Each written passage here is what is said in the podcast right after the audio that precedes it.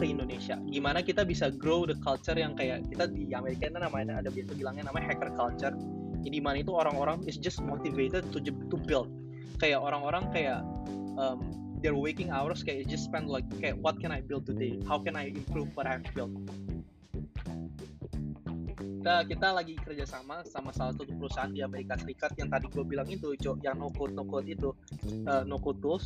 Untuk kita kira-kira gimana kita explore untuk bawa no code tools ini ke Indonesia Jo kan sekarang banyak nih teman-teman kita yang majornya bisnis gitu ya di Indo.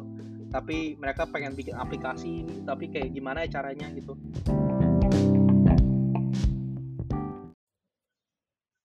Halo guys, welcome to podcast 430 podcastnya anak muda Indonesia.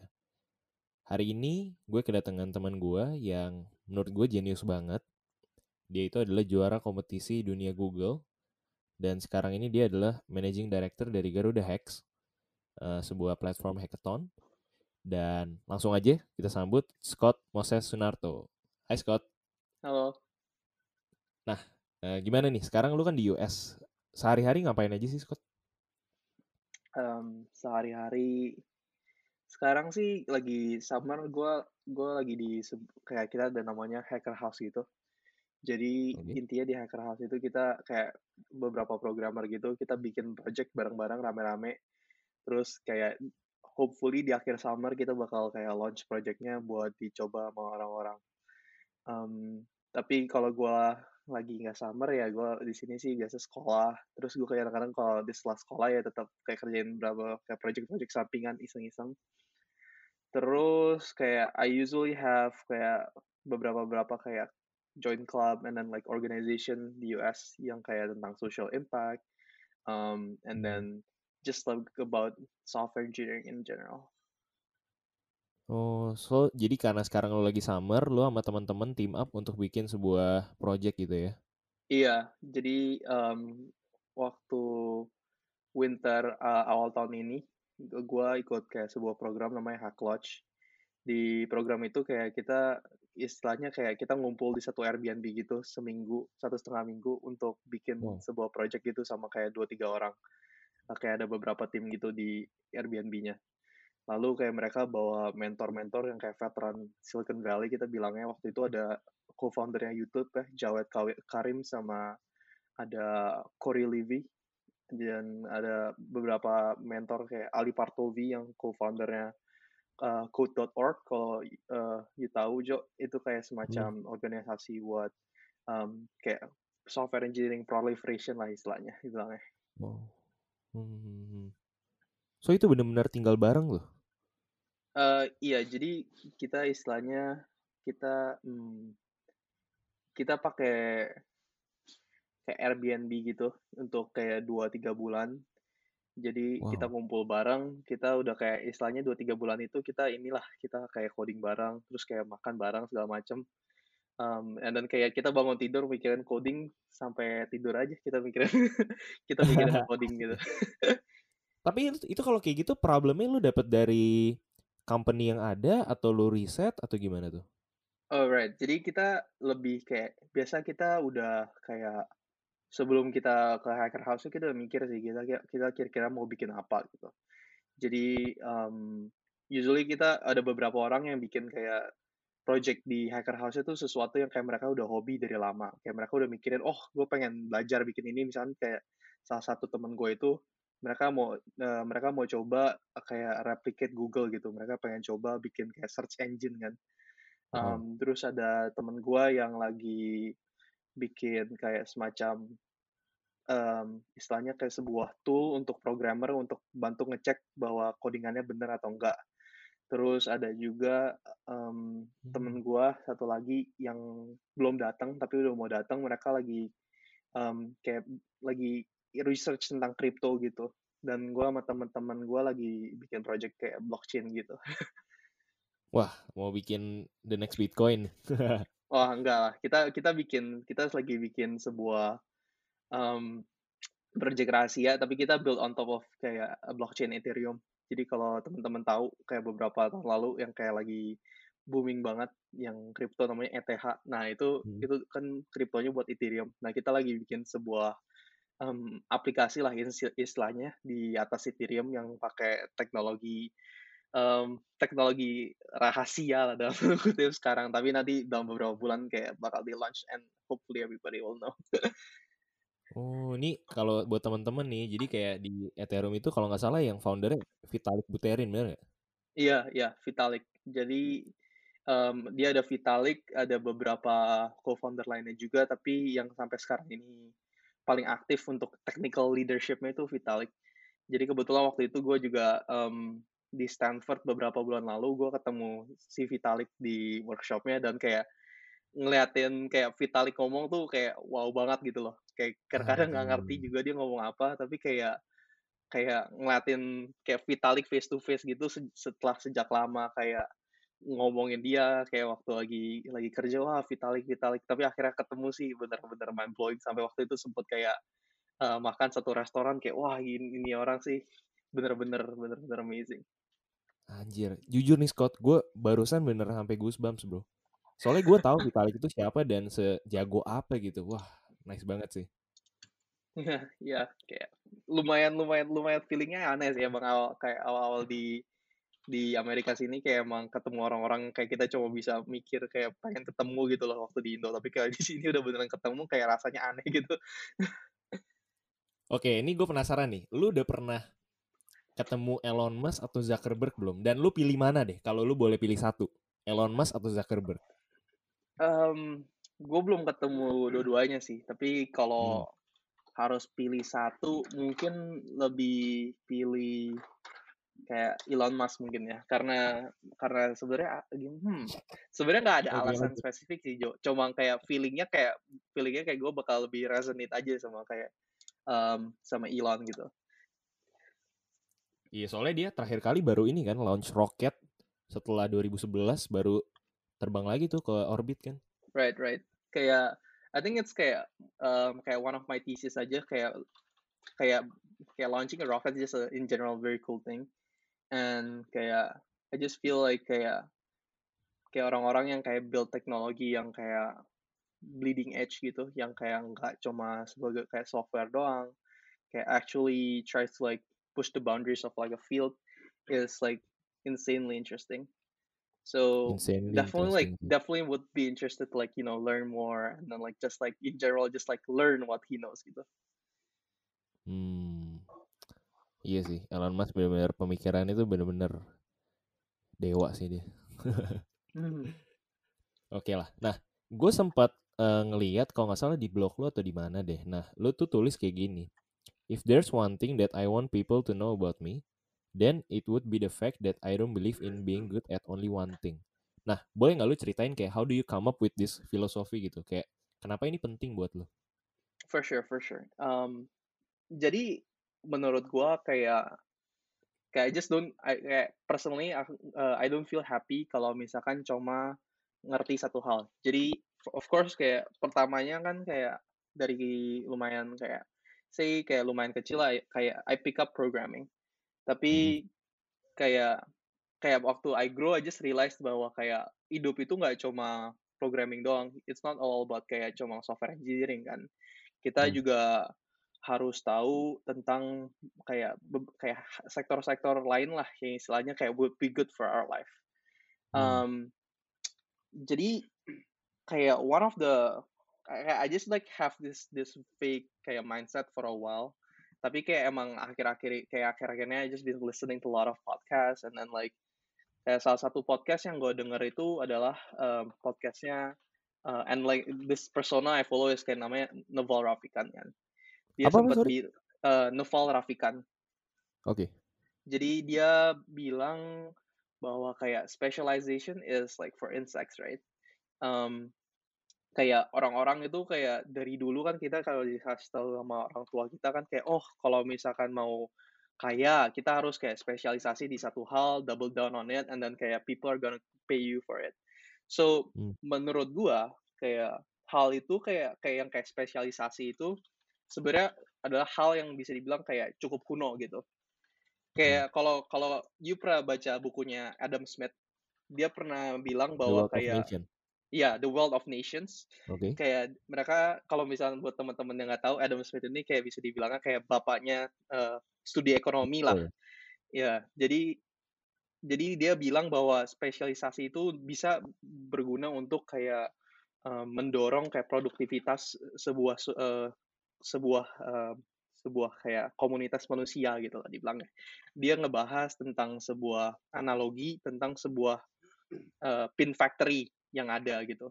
Jadi kalau Hmm. misalkan semua orang fokus di, eee, kemampuan dia, misalnya contoh satu orang ini yang di sini dia merancang, yang orang ini yang, eee, yang yang bisa misalnya ngebikin satu bagiannya, terus orang lain bi ngebikin bagian yang lain, produktivitas pabrik itu bakal lebih tinggi.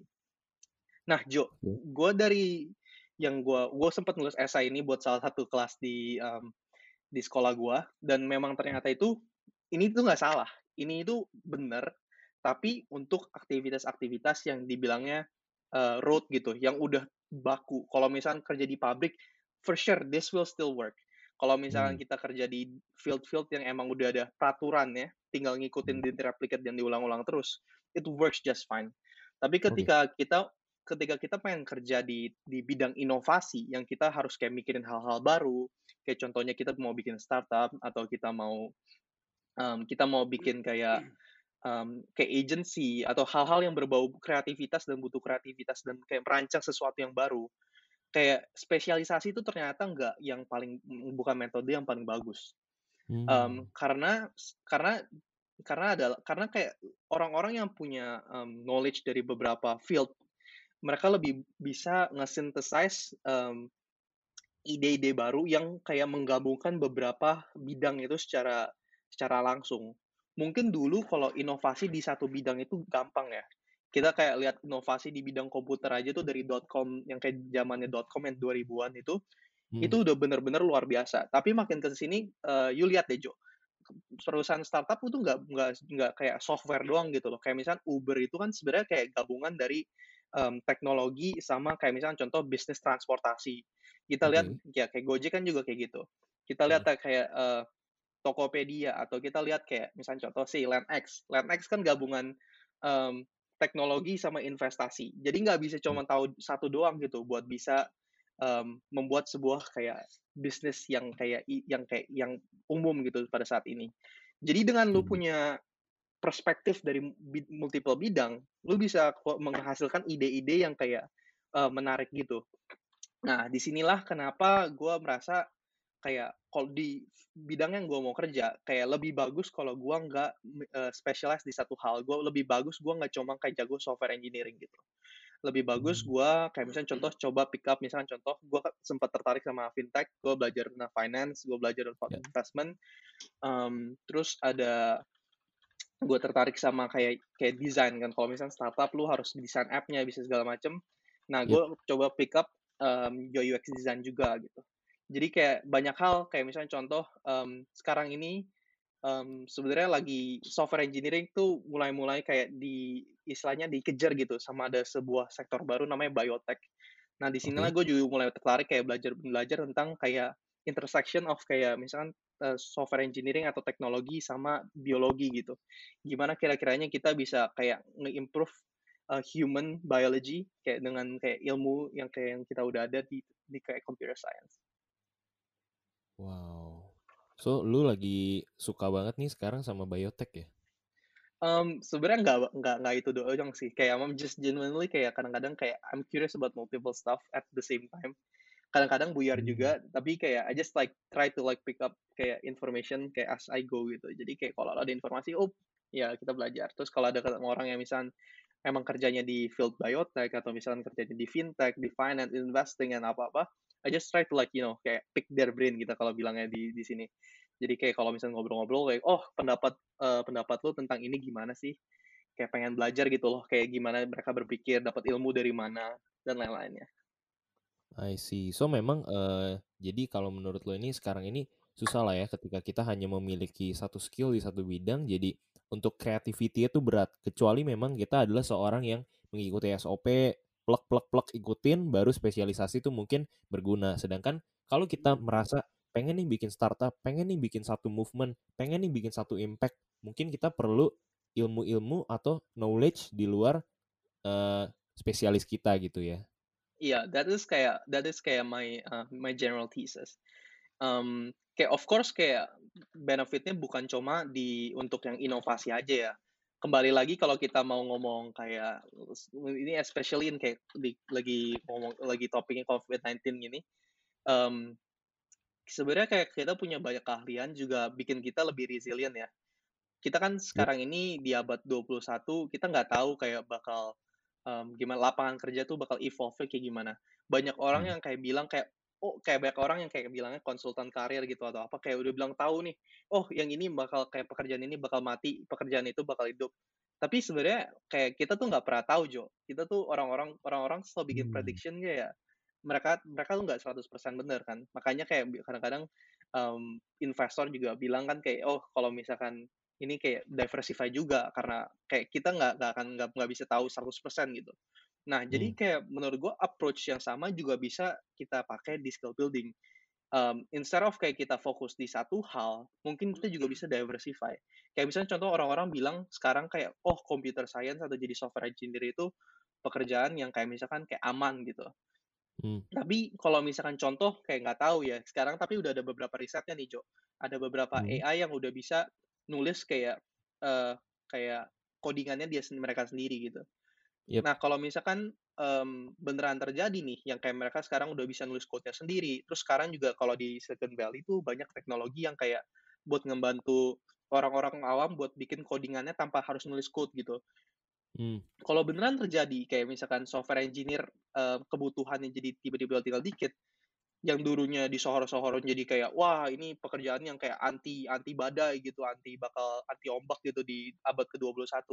Nah, kalau yep. itu terjadi kan it's better for us to be prepared dong. Bisa um, bisa pivot ke kayak misalkan ke pekerjaan yang lain gitu. Um, so kayak gue merasa justru kayak punya multiple skills ini sebenarnya benefitnya ada banyak. Bukan aja kita bisa kreativitas lebih bagus, tapi kita juga bisa um, istilahnya inilah lebih resilient kalau misalkan emang kayak worst come to worst kayak our main occupation yang kayak align with the with our ikigai um, is not working out well. Oke sih.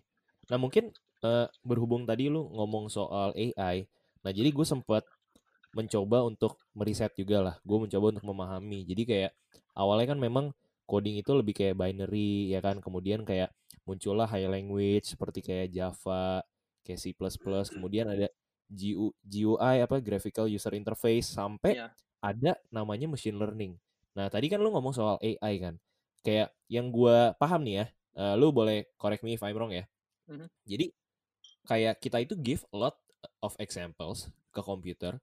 Kemudian si komputer itu kayak look at this and then kayak dia tuh tries to build a classification system yang misalkan nih contoh, dulu Google Translate itu dia bisa punya jutaan coding, jutaan kode. Tapi dengan adanya machine learning ini, sekarang Google Translate nih yang bisa semua bahasa Indo Inggris, Inggris Indo, Indo Chinese, Chinese Indo segala macam, sampai Zimbabwe juga ada. Itu hanya 500 line of codes. Nah, pertanyaan gue nih Scott, will we need less people to write codes one day gitu? Apakah kayak maksudnya ini teknologi tuh bener-bener membuat industri itu bisa jadi berubah total gitu.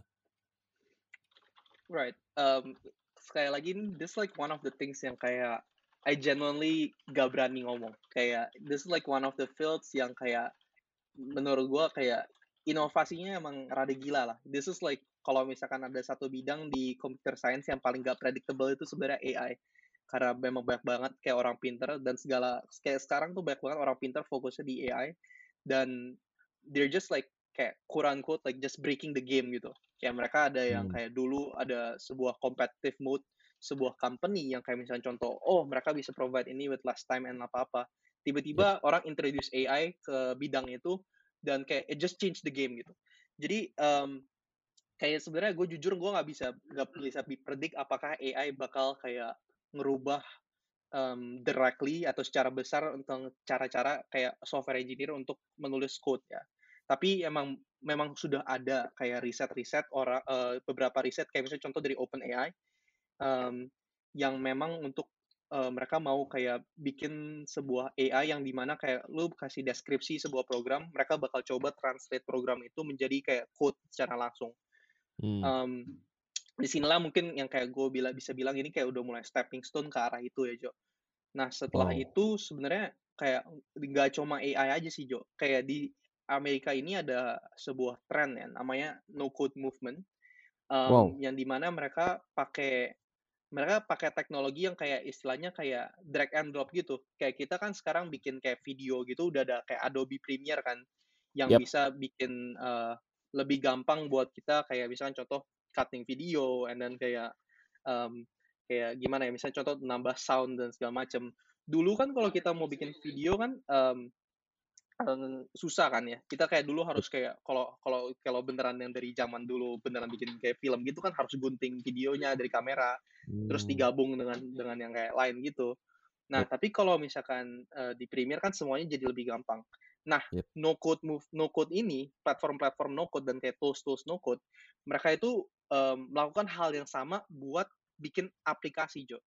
Jadi kalau misalkan dulu aplikasi itu harus segalanya harus pakai nulis kode, mereka harus kayak, mmm, harus kayak harus ada software engineer segala macam. Sekarang kalau mau bikin aplikasi udah drag drag and drop gitu, udah kayak istilah udah kayak Adobe Premiere.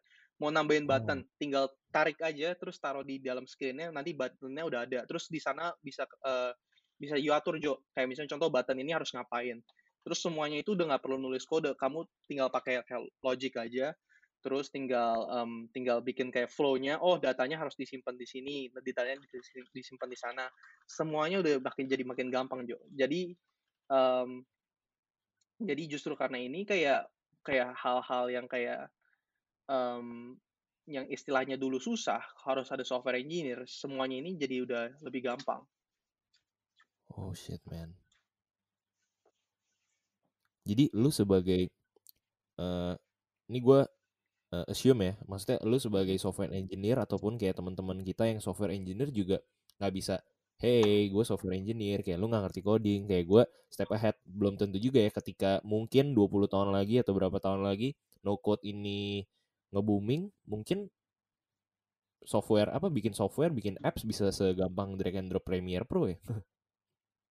Iya, I think kayak idenya itu emang kayak sekarang itu kita mau mengarah ke sana ya, Jo. Jadi kayak, mmm, emang kayak kita kayak banyak orang yang kayak mendorong kayak emang dunia ini harusnya kayak gini. Jadi kayak the thing is kayak orang-orang tuh kayak anggapannya analoginya gini, imagine kalau misalkan 1 dari 10 orang, kayak misalkan 1 dari kayak misalkan 10 orang lah, ini kayak nggak akurat nih gambarnya ya. Misal anggap 1 dari 10 orang di dunia itu bisa ngebaca. Imagine kayak dunia kita itu kayak gimana, Jo. Kayak pasti kayak segala macam inovasi atau kayak kreativitas orang-orang karena mereka nggak bisa baca tulis, nggak akan keluar ke dunia. Yap. Sama halnya kayak dengan coding gitu. Kalau misalkan cuma kayak sedikit orang yang bisa coding, kayak banyak-banyak ide-ide brilian di dunia yang Mmm. nggak bisa keluar kayak see the light of the world, eee, because kayak emang nggak ada mereka nggak ada nggak ada platform untuk men men-channel-kan itu. Mmm. Tapi dengan adanya kayak, mmm, kayak no code tools gini yang bisa bikin semua orang bisa ngebuat mereka punya aplikasi sendiri, Yap. kayak, eee, mereka bisa bisa pokoknya menuangkan kreativitas mereka jangan dengan lebih more dengan tanda kutip "more freedom" ya. Jadi mereka ini semuanya ide-idenya keluar dan we will see more innovations happening gitu loh. Again ini kayak hal-hal yang kayak gue bilang tadi, yang kayak masalah intersection of technology. Kalau dulu yang Oh. kayak ko yang bisa coding ini rata-rata kayak misalnya software engineer, orang-orang yang kayak gajinya gede, misalnya contoh di finance segala macam. Mungkin dengan no code kayak sektor-sektor lain yang dibilangnya nggak nggak receive that much attention right now, bakal kayak ternyata, oh bisa digabungin juga gitu dengan teknologi. Mungkin kayak bidang-bidang kayak seni, musik, dan lain-lain yang biasa kayak overlook gitu ya. Mereka bisa Mmm. keluar dengan tools-tools yang ada ini dan kayak show the world kayak what can actually they do gitu. Dan di sinilah yang menurut gue menjadi kayak, mmm, ideologi no code yang paling inilah, paling convincing buat gue. Menurut gue, I just feel that this is the future. Kayak, mmm, sorry to say, kalau misalkan, eee, buat software engineer atau misalkan programmer-programmer yang ada, mmm, this might change your life. Kayak mungkin kayak orang-orang di sini yang cuma kayak belajar software engineer-nya kayak cuma ya seadanya lah, asal bisa bikin aplikasi, freelancing, mmm, dapat duit. kayak merasa mereka udah aman gitu. Tapi Hmm. kayak dengan adanya tools-tools no code ini yang bikin kayak bikin aplikasi-aplikasi simpel menjadi lebih gampang. Mmm, jujur aja sebagai software engineer tuh merasa terdorong. Kita harus belajar jauh lebih dari cuma bikin website, jadi bukan cuma bikin aplikasi. Kita jadi software engineer tuh di di di bilangnya di-displace untuk fokus di hal-hal yang lebih sulit. Kayak contoh misalnya contoh kayak kita bahas artificial intelligence. Nah, Hmm. itu sekarang itu no code belum bisa bikin kayak artificial intelligence. Nah, software engineer didorong untuk kayak go to that kind of sector, kayak lebih fokus di hal-hal yang seperti itu, untuk Hmm. mengkomplement hopefully ke depannya platform-platform yang seperti yang kayak no code ini. Nah, selain itu kan juga banyak kayak misalkan hal-hal yang di computer science yang bisa dibilangnya kan is not solved yet. Dengan Yap. kayak adanya kayak no code ini, kayak oh software engineer itu bakal lebih terdorong untuk kayak mengejar kayak problem-problem yang lebih sulit itu instead of kayak bikin website doang, bikin aplikasi doang. I think is just like a general game changer.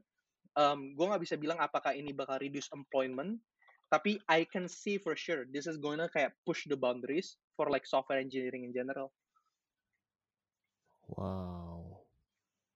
Jujur nih, gue merasa mungkin gue dan teman-teman semua yang lagi dengerin nih bener-bener ini goosebumps-nya tuh udah kacau banget sih kayak dari detik kita ngobrol pertama, gue merasa kayak jantung gue tuh wah shit man kayak this is a lot gitu loh kayak buat orang Indo ya jujur nih ya kayak buat orang Indo this is a lot gitu.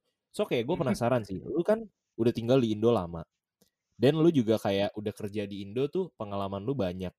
Lu udah kayak mengetahui sebuah software engineer team, kemudian lu juga sekarang udah lagi kuliah di US, lu punya banyak project juga. Gue pengen nanya deh, menurut lu kayak gue sih melihatnya gini, Indonesia dan Amerika tuh kayak punya gap yang jauh banget. Teknologi yang ada di Amerika tahun berapa mungkin baru ada di Indo tuh berapa? Menurut lu itu sejauh apa sih gapnya? Berapa tahun mungkin kalau lu bisa define? Hmm. Buat kayak bilang pasti susah sih, Cok. But kayak Hmm. my feeling is kayak sekitar kayak kayak 6 to 8 years probably. Mmm, kayak one thing to consider is kayak kita nggak bisa ngomong secara langsung kayak di teknologinya plak-plakan. Karena Hmm. sebenarnya yang harus di-take into account adalah juga ekosistemnya. Kayak Yep. ekosistem di di startup yang di sini yang kayak misalnya kita ngomongin tentang investor, kita ngomongin tentang kayak support system yang kayak mentoring segala macam. Kayak di sini udah light years ahead sih, Jo. Kayak misalkan contoh kayak ya misalkan kayak istilahnya bocah ingusan kayak kayak kayak gua aja bisa ketemu kayak misalnya contoh kayak kayak co-founder-nya perusahaan-perusahaan gede gitu. Nah, itu Hmm. kayak di Indonesia itu kayak ekosistemnya belum kayak gitu gitu bisa sampai kayak dapat mentoring secara langsung dari co-founder gede gini, padahal kayak masih mahasiswa, itu kayak nggak nggak gampang terjadi. Terus kayak kita di sini itu kalau di Amerika itu kayak banyak banget kayak namanya, mmm, kayak istilahnya kayak dorm room fund gitu, kayak orang-orang di Apa apa, Scott? di ap namanya dorm room fund. Jadi mereka Oke. se kayak venture capital firm tapi di run-nya 100% sama pelajar. Mereka datang ke kayak Wow. mereka ada di kampus-kampus itu, mereka ada kayak istilahnya kayak namanya, eee, campus partners. Eee, mereka mereka di sana itu mereka ngecariin kayak pelajar-pelajar yang lagi bikin startup, teman-temannya mereka sendiri, terus mereka kasih funding sendiri. Menurut gue ini kayak udah gila banget dan Indonesia Gila kayak nggak ada kan yang kayak gini. Kayak menurut gue yang inilah yang kayak menurut gue kayak rada mind changing and this like one of the things yang kayak gue kayak mikir gue gue udah di Silicon Valley, I'm privileged study here. Kayaknya ini adalah hal-hal yang gue mau bawa balik ke ekosistemnya yang ada di Indonesia sekarang ini. Kayak we're missing all of this karena kayak kayak menurut gue sih kalau gue jadi orang-orang Indonesia dan gue cuma bisa ngedengerin cerita-cerita ini, gue sih FOMO total. Kayak karena Total. dunianya udah beda banget di sini. Kayak menurut gue cukup lucu kayak betapa bedanya kita kita di sini bukan cuma ngomongin tentang teknologi yang we're not talking about AI here, we're not talking about kayak deep tech deep tech lain yang kayak susah gitu lah istilahnya ya kayak harus perlu riset segala macam. Kita ngomongin di sini ek ekosistem aja, ekosistem buat orang belajar, ekosistem buat orang improve, buat orang grow, itu udah beda total. Jadi kayak, mmm, if kayak somebody kayak ask me kayak menurut menurut kayak menurut Scott, ke Amerika itu worth it atau enggak, menurut gue worth it banget. Especially kalau misalkan bisa menggunakan kayak one of kayak ekosistem ini to the to the fullest extent. Hmm, oke. So tapi, eee, gue penasaran Scott, maksudnya buat teman-teman yang mungkin, eee, apa ya, istilahnya mungkin gue bilang kurang privilege, kayak Mhm. gimana cara temen-temen di Indo nih, ya kan? Either yang udah bisa code atau belum bisa code, itu kayak cicipin deh. Kecil aja dari apa yang lu rasain gitu. Karena kan lu jauh nih di US. Nggak semua bisa ke sana kan. Hmm. Iya, jadi um, of course kayak this is one of the things yang menurut gua um, unfortunate aja ya. Jadi kayak di Indonesia ini kayak beneran platform yang kayak di US ini kan nggak ada. And this kind of why kayak I wanted kayak my personal goal right now is kayak buat bikin ekosistem yang ada di Amerika ini dibawa ke Indonesia. Gimana kita bisa grow the culture yang kayak kita di Amerika ini namanya ada biasa bilangnya namanya hacker culture. Di mana yep. itu orang-orang is just motivated to to build. Kayak orang-orang kayak um, their waking hours kayak just spend like kayak what can I build today? How can I improve what I've built? Jadi kayak kayak culture ini adalah kayak culture yang gue pengen sebenarnya kayak bawa pulang ke Indonesia. Gimana kita bisa bikin anak muda di Indonesia itu uh, punya mentalitas untuk membangun gitu. Bukan cuma kerja kantoran, bukan cuma kayak uh, kerja misalnya di unicorn, and then actually kayak build something cool gitu loh dan inilah kayak kenapa gue kayak sekarang ini kalau misalnya Itaujo tadi bilang uh, Garuda Hex, this is kayak one of the initiatives that I try to start um, untuk kayak ngebawa pulang kayak culture ini dan build ekosistem kayak buat um, technologies di Indonesia gitu. Jadi um, Garuda Hex sekarang kita uh, uh, mungkin teman-teman udah ada beberapa yang tahu kita adalah bikin kita bikin sebuah acara hackathon. Um, okay. Hackathon ini adalah sebuah program di mana kayak dalam 36 jam kayak teman-teman itu bakal difasilitasi, bakal dikasih workshop dari um, teman-teman yang udah ada di, industri, terus dikasih mentor, dikasih program-program gratis. Jadi kita kasih kayak domain gratis kayak .xyz, kita kasih kayak kayak software-software gratis buat buat di teman-teman pakai. Kita kasih akses ke banyak software-software lainnya yang kalian bisa pakai buat bikin uh, project kalian nanti setelah 36 jam bakal dijudge uh, dari oleh kayak juri-juri kita dari um, Amerika Serikat dan juga di Indonesia ada juga kayak investor yang bakal bantu judge uh, projectnya juga. Dan uh, untuk pemenangnya ya kita kasih hadiah terus kita ada beberapa uh, akselerator startup yang kerjasama untuk kayak nge-scout istilahnya untuk mencari project yang kira-kira berpotensial gitu untuk di um, dibawa ke tingkat yang lebih lanjut untuk dijadikan sebuah bisnis. Kita juga partner sama venture capitalist kayak investor in general um, untuk kayak juga cari project-project yang kira-kira bisa dikasih seed funding atau pre-seed funding buat berkembang lebih jauh gitu. Jadi inilah kayak ekosistem yang gue pengen coba bawa bentuk di Indonesia dengan koneksi-koneksi gue yang ada di di sini ya di Amerika. Gue minta bantuan mereka yang kayak dari uh, software engineer yang udah atau project manager atau investor di sini bakal mereka hmm. kasih kayak workshop, kasih bakal kayak ilmu uh, ke teman-teman kita yang ada di Indonesia yang nggak bisa istilahnya ngecicipin yang what I am having here gitu. Dan even kayak yang kayak kayak yang kayak gue udah ngomong kayak I try my best to like bring everything back home. Ini cuma menjadi kayak sebagian kecil doang dari apa yang sebenarnya gue bisa rasakan di sini. Dan so Garuda Hack ini nggak nggak akan berhenti di hackathon doang, Jo. Gue plannya ke depan itu gue pengen kayak ini visinya ya kalau kita bilang ya. Kita pengen yep. um, pengen bikin sebuah kayak komunitas di seluruh Indonesia um, kayak uh, komunitas kayak misalnya di per universitas atau mungkin per kota untuk kira-kira um, memfasilitasi lebih lanjut uh, melalui kayak misalnya contoh kayak semacam incubator buat kayak teman-teman yang kayak um, lagi tertarik bikin startup atau kayak just generally a mentorship community lah buat kita sebagai kayak teknologis di Indonesia untuk bisa grow lebih lanjut dan kayak actually create this hacker culture di um, di Indonesia. Setuju banget sih, setuju banget. Karena gue setuju banget sih sama lo. Maksudnya uh, gue tuh belum lama ini gue nonton di Netflix kayak gue kan suka jazz ya. Jadi kayak mungkin lo tau Quincy Jones gak? Ah enggak. nah jadi Michael Jackson tau dong? Tahu tahu. Nah Michael Jackson itu diciptakan oleh Quincy Jones. Hmm. Oke, nah jadi kayak apa yang gue nangkep bahwa Michael Jackson itu bisa jadi hari ini karena Quincy gitu. Tapi orang hmm. belum tentu tahu Quincy. Tapi kalau nggak ada Quincy, Michael Jackson nggak ada. Mungkin kalau kita tahu lagi ya, hmm, Frank Sinatra gitu-gitu kayak. Jadi banyak apa ya di Amerika tuh sudah menjadi culture bahwa di film itu nih quotes yang gue nangkep banget. Quincy ngomong kayak gini. Gue dimentorin langsung oleh Ray Charles, which kayak itu lebih tua dari dia. So, ketika dia sukses, dia merasa kayak dia ada obligasi untuk kayak melatih musisi baru lagi. Salah satu Michael Jackson dan kalau lu tahu nih sekarang lagi ada musisi yang fenomenal banget namanya Jacob Collier. Si Quincy itu bener-bener mentor langsung loh. Yang kayak dilatih terus-terusan, konser semua didatengin.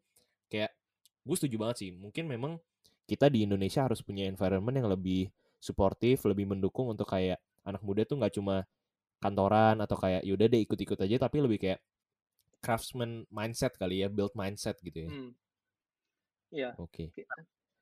Gue penasaran nih, let's say uh, gue dan beberapa pendengar gue, gue harapannya banyak juga yang kayak terunggah untuk kayak yaudahlah coba aja gitu kayak kenapa enggak.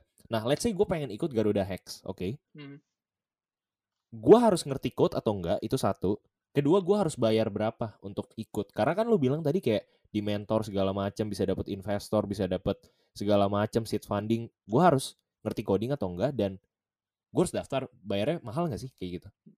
Right. Um, ini pertanyaan bagus banget ya, Jo. Jadi gue pertama jawab yang kayak masa harus bayar dulu atau enggak.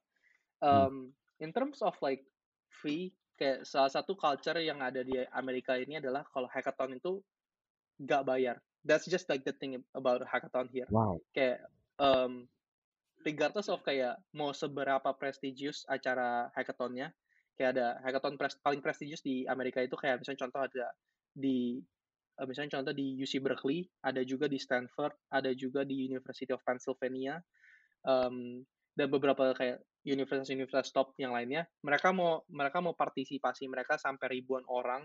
Mereka mau speakernya sampai Steve Wozniak, mau uh, yang bikin iOS. Mereka nggak pernah charge um, sedikit pun. Dan ini adalah salah satu prinsip yang menjadi founding principle of Garuda Hacks. Gue pengen bikin um, acara ini tuh se-accessible mungkin ya.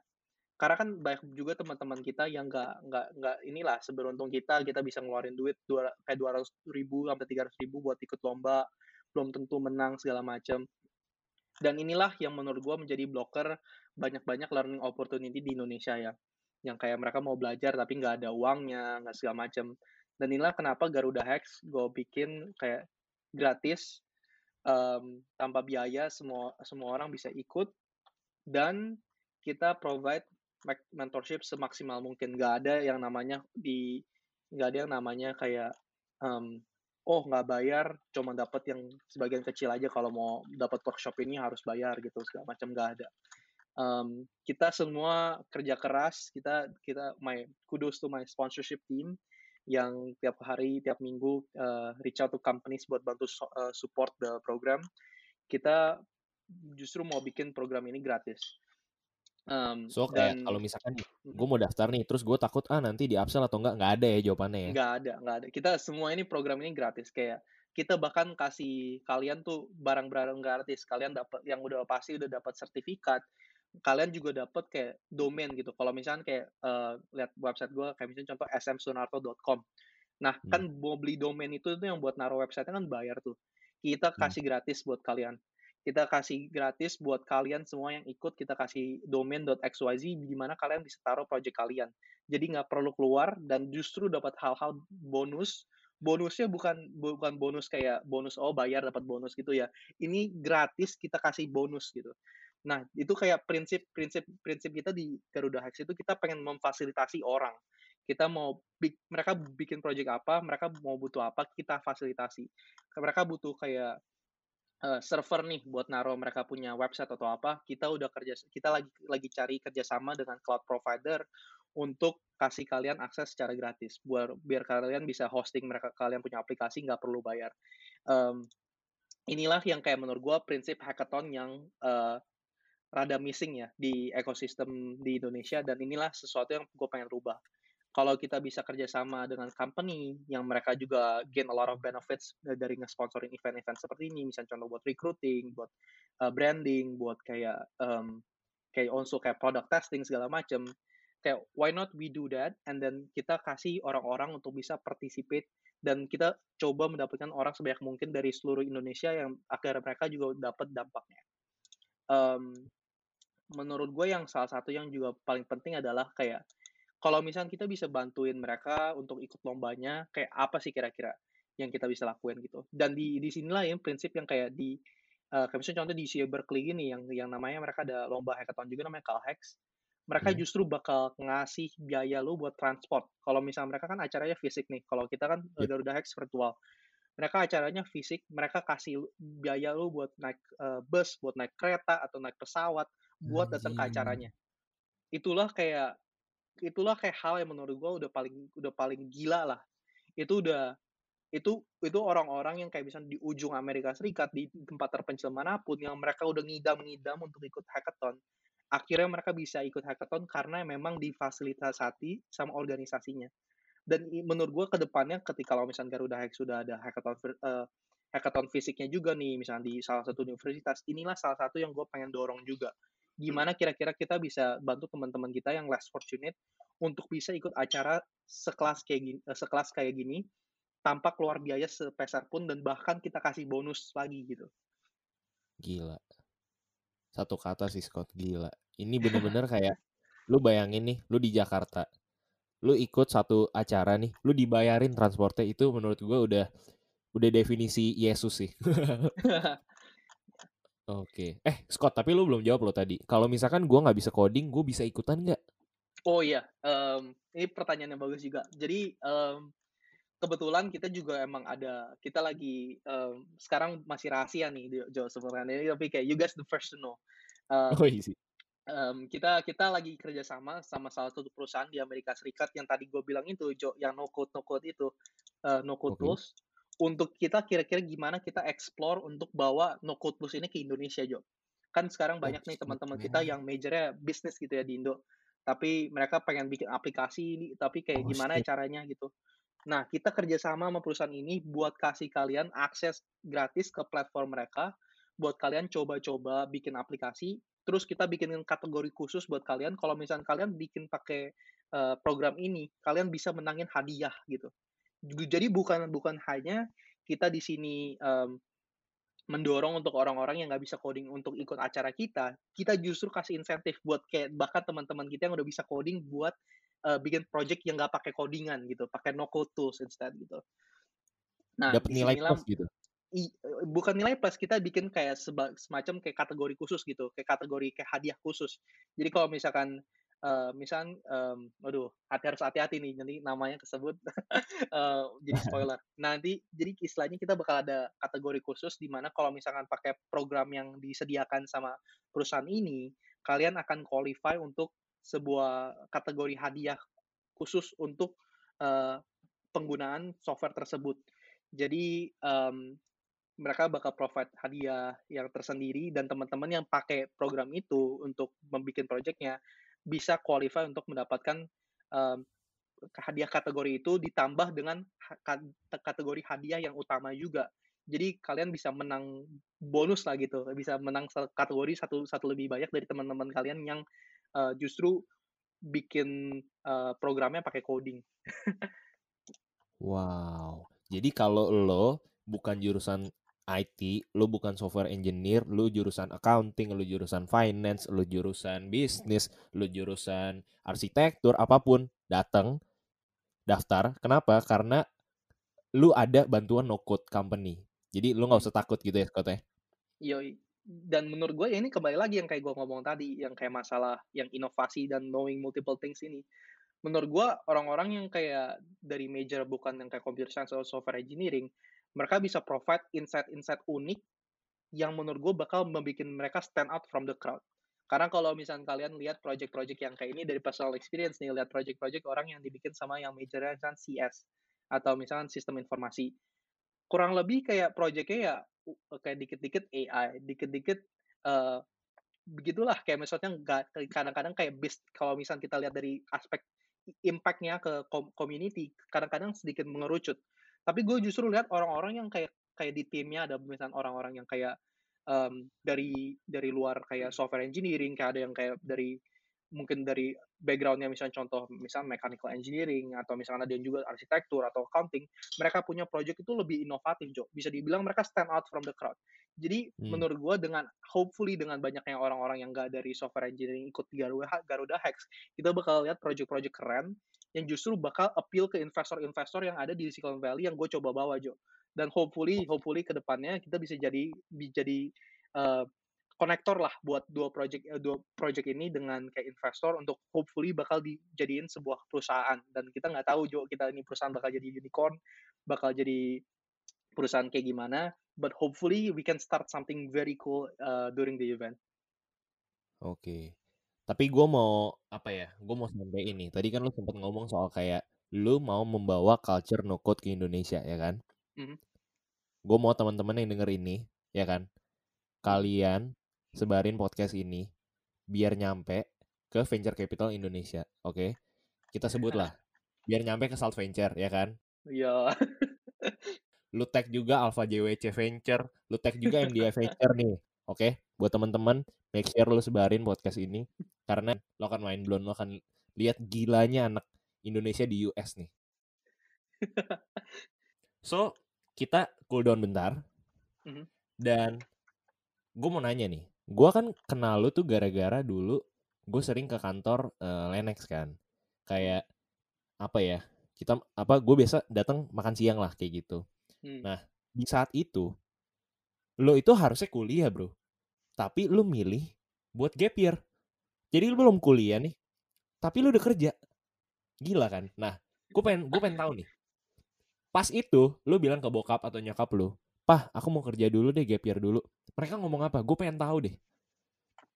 Um, kayak menurut gue, gue gue cukup kayak fortunate ya kayak ada di uh, kayak di keluarga yang kayak lumayan suportif gitu ya. Um, ketika hmm. gue bilang gue mau sebenarnya pertamanya gue nggak langsung bilang gue mau kerja. Gue pertamanya gue kayak minta advice aja gitu dari orang tua. Kira-kira um, gimana gitu kayak what do they think about this? Kayak um, kayak bantu mikir lah istilahnya.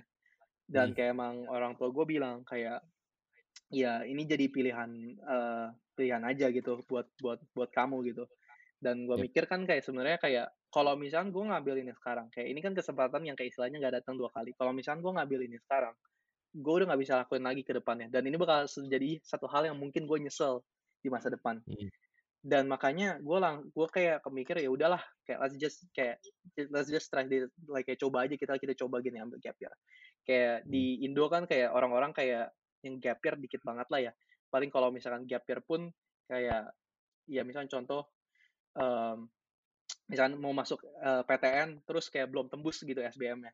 Hmm. Nah, jadi kayak menurut gue kalau misalnya kita punya prinsip yang kayak lebih optimistik tentang gap year, kayak menurut gue kayak bakal kayak produktif banget dan gue merasa banget gitu yang dari gap year.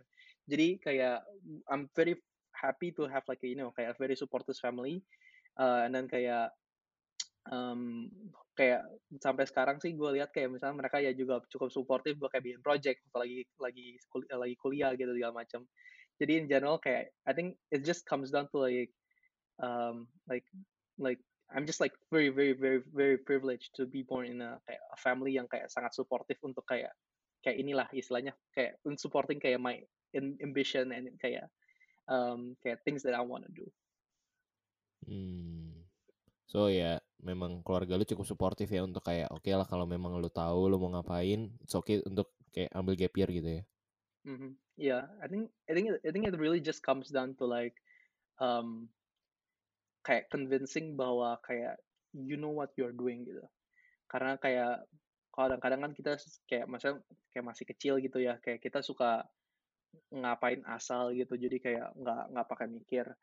Kayak I think it just comes down to like kayak mungkin kayak ada beberapa orang tua yang lebih susah, ada beberapa orang tua yang lebih gampang. Kayak maybe kayak I'm just like kayak inilah survivor bias gitu lah. Kita dapat uh, kayak kayak just kayak edge case gitu di mana yang kayak orang tuanya emang kebetulan supportive aja tapi menurut uh, gua kayak kalau if you wanna do something yang kayak dapat support dari orang tua, you wanna do something crazy dan dapat support dari orang tua tetap, it really comes down to like making sure kayak you know you know what you are doing gitu. Kayak yep. I think kayak ini salah satu feeling yang gua rasain setelah gua udah gap year, kayak orang tua gue in general lebih supportive tentang apa yang gue mau lakuin. Jadi this is kayak about like kayak ini step by step lah. Kita nggak bisa langsung tiba-tiba kayak um, kita dari apa-apa dari dulu di rumah aja nggak pernah ngapa-ngapain tiba-tiba bilang ke orang tua, mah uh, aku pengen ke kayak ke Afrika sendirian mau ini kayak self exploration gitu. Nah, itu kan kayak bisa kayak gitu ya kayak di mana orang tua yang mana yang nggak akan shock gitu. Jadi Iya mungkin ya. kayak it comes down to just kayak convincing ke orang tua tuh kecil-kecil dulu lah. Kayak, oh ya udah kayak misal udah bisa dipercaya sama ini, bisa dipercaya sama dengan sama yang lebih gede. Nah, I think it just like um I think it just like comes down to that in the in the in the, long term game. But again kayak pasti banyak orang tua yang lebih susah, banyak juga yang lebih gampang. Um, dan menurut gue, gue cukup kayak beruntung lah punya orang tua yang suportif gitu tentang apa yang gue lakukan. Oke sih. So ya kalau misalkan lo lagi ada sebuah idealis atau lo lagi punya sebuah apa ya karir atau mungkin small business yang lo buka dan mungkin orang tua lo belum percaya pelan-pelan lah lo tunjukin bahwa memang ada progress ada progress lama-lama mereka convince lah ya. Iya, I think kayak especially kayak tergantung ya Jo. Kalau misalkan kayak ini pasti setiap uh, keluarga berbeda. Kalau misalkan Hmm. keluarganya emang udah wirausaha, emang udah culture wirausaha, pasti kayak mau bikin bisnis pasti lebih suportif. Tapi kan di uh, ada keluarga yang uh, mungkin kayak emang dari dulu emang kayak mereka fokusnya itu menjadi profesional. Um, Hmm. Jadi mungkin mau buka usaha itu menjadi sesuatu yang baru. Jadi kayak mungkin advice uh, buat teman-teman di luar sana sabar gitu. Kayak kita coba untuk ngertiin dari perspektif mereka juga. Karena especially kayak ini yang gue pelajarin dari orang-orang yang lebih tua dari uh, dari kayak kita gitu yang uh, kita Hmm. udah in, kayak dari pengalaman interaksi gue. Menurut gue orang tua in general mereka lebih risk averse. Dan menurut gue ini nggak surprise buat banyak orang. Tapi kayak kadang-kadang kita lupa bahwa orang tua itu mereka lebih risk averse. Mereka mau anaknya tuh lebih mending anaknya aman dibandingkan anaknya jadi superstar gitu jadi inilah perspektif yang harus di kita coba kita ngerti lah maksudnya orang tua ini apa kalau misalkan kayak mereka bilang janganlah hati-hati gitu dan kalaupun hmm. mereka kayak kayak gitu ya kita juga harus kayak show bahwa kayak nggak perlu setakut itu kok mah sebenarnya kayak misalnya contoh kayak bilang saya uh, aku juga bisa bisa bisa ngelindungin diri sendiri udah bisa mulai independen nah di situlah kayak kita mungkin bisa dapat trust dan bisa convince orang tua lebih percaya sama decision kita mau ngapain gitu Setuju banget sih. I couldn't agree more. Oke, okay, so uh, mendekati akhir nih, gue pengen lebih ke apa yang bisa kita semua praktekin. Mungkin teman-teman di sini banyak yang tahu kayak zaman sekarang ini kan udah data driven mindset. Kayak misalkan COVID. Kayak kemarin ini Indonesia memutuskan untuk membuka pembatasan sosialnya itu dari data juga, dari data new case COVID. Atau mungkin kayak teman-teman kalau di Instagram bisa ngelihat pendengarnya tuh siapa sih? Umurnya berapa sih? Nah, mungkin menurut lo sendiri Scott kayak gimana sih gue dan teman-teman juga yang mungkin lebih awam itu bisa lebih kayak mengintegrasikan data driven mindset ke kehidupan sehari-hari gitu. Misalkan buat skripsi atau misalkan buat bikin paper atau misalkan buat small business kayak gimana ya Scott? Um, ini menurut gue pertanyaan yang uh, cukup menarik sih Jo. Tapi kembali lagi sebenarnya data driven mindset itu nggak nggak sesuatu sebuah mindset yang gampang diintegrasikan ke um, hidup kita sehari-hari ya bisa dibilang ini kayak non intuitif untuk menjadi data driven um, menurut gua kapan sih sebenarnya uh, pakai mindset data driven itu adalah kayak um, mindset yang benar dipakai menurut gua itu adalah ketika lu mau bikin decision yang monumental di hidup lo. Kayak misalnya contoh mau ganti kerja, mau mulai bisnis, data driven mindset itu hal yang bagus. Tapi bukan artinya um, artinya semua decision kita harus based on data. Kayak sometimes kita tuh harus rely ke um, intuition juga. Bahkan ini di pekerjaannya kan misalnya kalau kita mau ngomongin data scientist ya, gak okay. semua 100% mereka udah kayak datanya ada segala macam. Kadang-kadang mereka harus pakai intuisi mereka juga, Jo. Jadi kayak misalnya mereka wow. tuh harus bilangnya namanya ngeran eksperimen ya. Jadi okay. mereka mau ngumpulin data ini, mereka harus ngeran eksperimen. Buat ngeran eksperimennya, kira-kira apa yang harus dieksperimen, harus yang dites, objektifnya apa, dan kayak kayak splittingnya gimana, terus kayak um, target marketnya segmentation awalnya gimana, itu semuanya kembali ke intuisi mereka. Makanya ini kenapa ada data scientist yang kayak jago sama yang enggak, atau misalnya kayak bilangnya kita nggak usah bilang data scientist lah kita bilang kayak misalnya business intelligence saja gitu. Mereka mau run gini kan mereka butuh walaupun mereka akhir-akhirnya melihat dari data awalnya ketika mengumpulkan data tersebut mereka juga perlu intuisi. Nah hmm. di hidup kita kita juga sama juga kita nggak bisa cuma data doang karena nggak semuanya di dunia kita tahu. Kadang-kadang kita emang harus kembali ke intuisi kita kira-kira hmm. um, feeling feelingnya yang kayak mengarah ke mana? Kira-kira yang kayak dari uh, dari nalar kita yang bener ini kita harus ngapain? Dan di situlah gimana kita kayak harus kayak inilah be the get the best of the both worlds. Kayak kita harus uh, eh, data driven juga kalau misalkan kita emang ada datanya. Tapi kalau nggak ada kita coba pakai inilah nalarnya kita gitu. Kira-kira bagusnya gimana? Um, kembali lagi ini bukan hal yang gampang. Ini kayak data driven mindset itu um, gimana ya bisa dibilangnya it's very nuanced. Um, data itu nggak nggak nggak absolut juga gitu bisa dibilang. Karena kayak tergantung kayak interpret datanya gimana. Kayak kita hmm. misalnya contoh nih kan kayak misalkan kayak Yujo kan pasti kayak misalnya uh, sering bahas tentang makroekonomi segala macam hmm. makroekonomi datanya banyak. Kayak misalkan mau lihat interest rate atau apa. Tapi kalau misalkan tanya ahli-ahli makroekonomi mereka punya interpretasi bisa beda-beda Jo Hmm. Kayak bahkan kita lihat investor-investor di hedge fund mereka nggak bisa setuju kayak ini market mau naik atau mau turun mereka tuh nggak nggak ada kayak nggak ada inilah nggak ada satu suara padahal opininya beda-beda. Hmm. Ini kembali lagi adalah gimana data itu bisa multi interpreted gitu tergantung kayak yep. mau dari sudut pandang yang mana. Nah di sinilah gimana kita kayak harus hati-hati gitu kita make sure bahwa kita pakai data ini bukan cuma untuk kayak mendukung kesimpulan yang kita mau, tapi kita juga ready kalau misalnya datanya support kesimpulan yang kita nggak seneng. Dan inilah menurut gue yang banget. paling susah.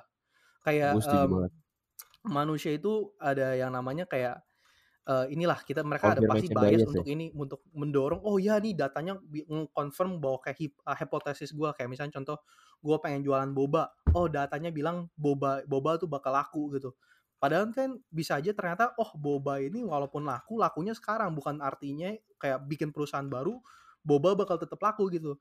Kayak hal-hal inilah yang kayak di mana kita harus hati-hati Jo. Jadi kayak hmm. data itu kayak can be your greatest weapon or it can also be your greatest enemy kan. Jadi itu menjadi kayak orang-orang yang terlalu gimana ya bilangnya terlalu um, terlalu gimana yang terlalu um, kayak misalkan nggak nggak kayak orang-orang yang kayak butuh convincing gitu yang mereka nggak begitu ya yang yang udah yakin banget sama idenya cuma pakai data cuma buat ngevalidasi idenya uh, lanjut tapi nggak ngecari gimana perspektif data itu bisa ngebuktiin cara-cara gimana misalnya contoh bisnis lu bisa gagal gitu. Dan di loh yang kadang-kadang tuh kayak misalnya ada banyak yang dengar cerita dari misalnya kayak konsultan-konsultan data gitu yang dipakai company. Kalau misalnya mereka kasih data yang kayak misalnya nggak sesuai nih sama misalnya ngedorong company-nya, oh company-nya maju, konsultannya bisa di, bisa dipecat. Padahal kan nggak benar dong. Kita kan justru konsultan data itu kan kita bilang panel, oh ternyata company-nya bisa diimprove di bagian ini, company-nya hmm. struggling di bagian ini harus hati-hati gitu. Tapi kalau misalkan kita cuma mau denger hal-hal bagus doang, buat apa gitu kita pakai data? Ya udah, itu mah kayak gitu aja. Kita mah minta tem dipuji teman-teman aja gitu, nggak usah pakai data. Jadi gitu sih, Jo. Gue setuju banget sih. Jadi memang kayak kalau di finance kan juga ada behavioral finance kan. Memang bahayanya dari data itu adalah ya kita mengkonfirmasi keinginan kita dengan data itu tadi Scott ya. Hmm. Hmm, oke okay deh. Nah, uh, mungkin ini lebih kayak lebih apa ya lebih relate karena kayak kemarin nih gue lihat ada sebuah e-commerce ya kita jangan sebut lah yang nggak enak tapi kayak dia itu kebocoran data data penggunanya. Nah sekarang sih kasusnya uh, gue lihat lagi diterusin ke jalur hukum karena mungkin banyak uh, orang yang merasa dirugikan kayak gitu. Tapi menurut lu sendiri nih uh, let's say lo adalah seorang hacker gitu lo menyebut diri lo hacker kan kayak gimana sih cara orang-orang kayak kita nih yang aduh kayaknya ngomongin software aja udah pusing deh. Menjaga data kita tetap aman gitu, Scott.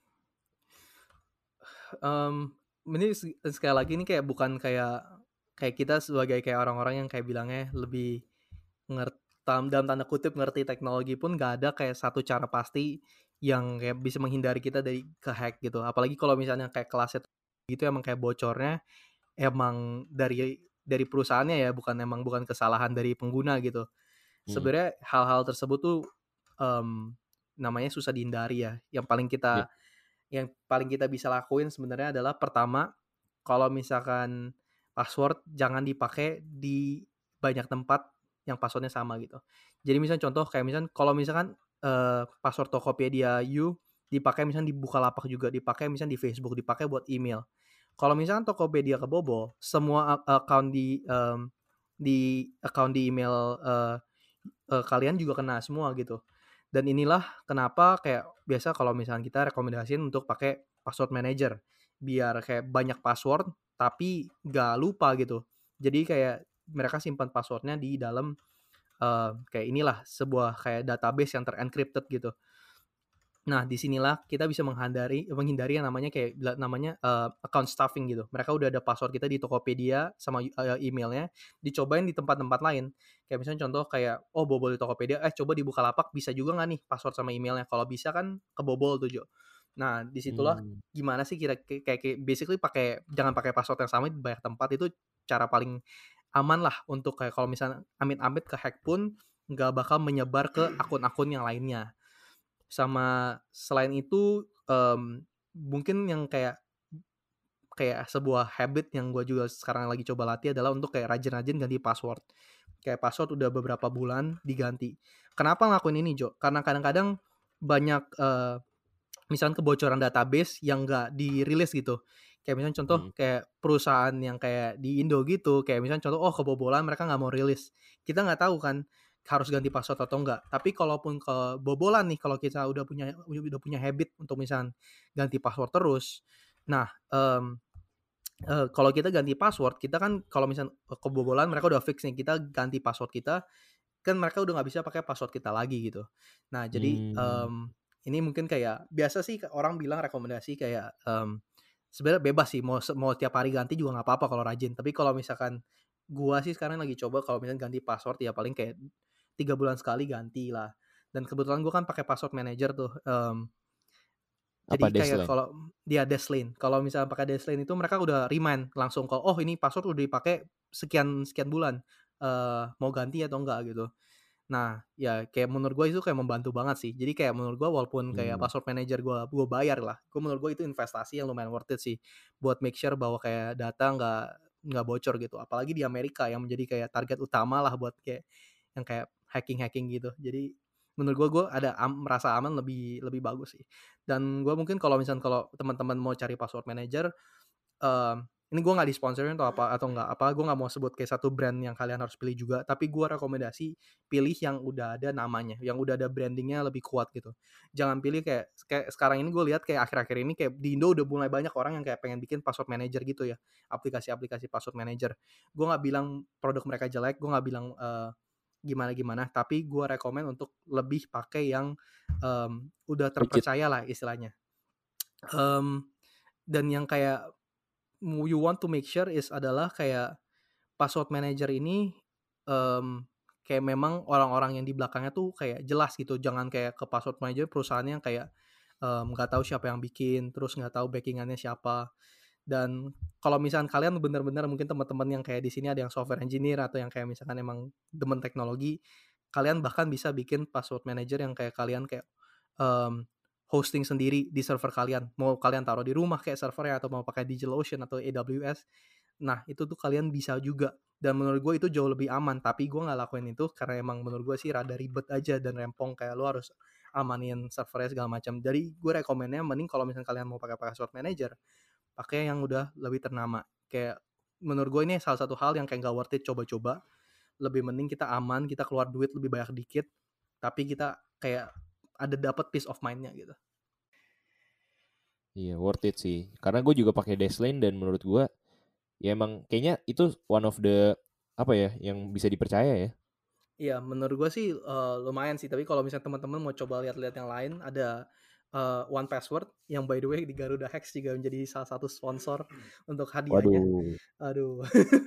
um, enak dong ada... gue ngomongin Desline barusan. Maaf, maaf, maaf. Ah, nggak apa-apa, nggak apa-apa. Kan saya, saya ya nggak apa-apa. Gue juga pakai Desline. Tapi um, ada juga kayak misalnya password manager kayak LastPass. Um, terus juga ada password manager. Ya, I think kayak yang lumayan gede sih kayak One Password. Um, and then kayak Dashlane and then LastPass itu tiga yang kayak menurut gue yang paling ternama sih. Hmm oke. Okay. so ini pertanyaan gue rasa terakhir-terakhir banget. Gue cuma penasaran. Lu sebagai orang yang memahami coding dan lu mengerti lah kayak mana yang user friendly dan sebagainya lu tahu dong aplikasi kayak Trello, Slack gitu-gitu kan? Yes yes. Lu pakai apa dan kenapa? Um, Gua eh mungkin di di Garuda Hex ya, kalau di Garuda Hex kita pakai Notion. Kalau, mmm, Oh, kenapa kita pakai Notion, karena, pertama, mmm, kayak mereka lengkap banget. Mereka kayak kayak yang kayak board gitu yang kayak buat track in progress, terus dan segala macam itu mereka ada di Trello eh di di Notion sorry. Eee, mereka di mereka ada kalender juga, mereka ada kayak kayak semacam tempat buat nulis-nulis, mmm, kayak tulisan juga, kayak misalnya kayak kayak istilahnya kayak Google Google Docs gitu ya. Mereka buat Hmm. nulis tulisan gitu ada, terus mereka juga ada, mmm, kayak tabel, mereka ada, eee, banyak fitur lah menurut gua yang kayak lengkap banget, kayak buat segala hal, buat ngurus tim itu udah kayak convenient banget. Eee, mungkin ya mungkin ada beberapa kekurangannya lah, tapi kayak menurut gua sih Notion lengkap banget dan kayak gua pakai Notion bukan cuma buat kayak Garuda Hex, tapi gua sehari-hari juga pakai Notion buat kayak inilah, buat namanya gua bilang Live OS. Jadi kayak gua punya to do list semua itu di Notion, gua punya kayak dokumen-dokumen yang kayak misalkan kayak bukan dokumen, dokumen yang kayak penting gitu ya, tapi maksudnya kayak misalnya contoh catatan gua atau kayak class notes atau kayak, eee, schedule atau mau ngapain atau kayak catatan buku segala macam semua di Notion. Jadi kayak, mmm, gue coba untuk pakai software sedikit mungkin, jadi gue pakai rata-rata udah semua yang gue pakai itu gue udah di-cover sama Notion. Paling yang gue pakai tambahan itu cuma ya Google Calendar, karena menurut gua kalendernya Notion nggak secanggih Google Calendar dan pakai Google Calendar actually help helps a lot kalau misalkan pakai G Suite juga, mmm, which is kayak basically kayak Gmail tapi bayar, yang punyanya Google Hmm. karena mereka bisa integrasi langsung.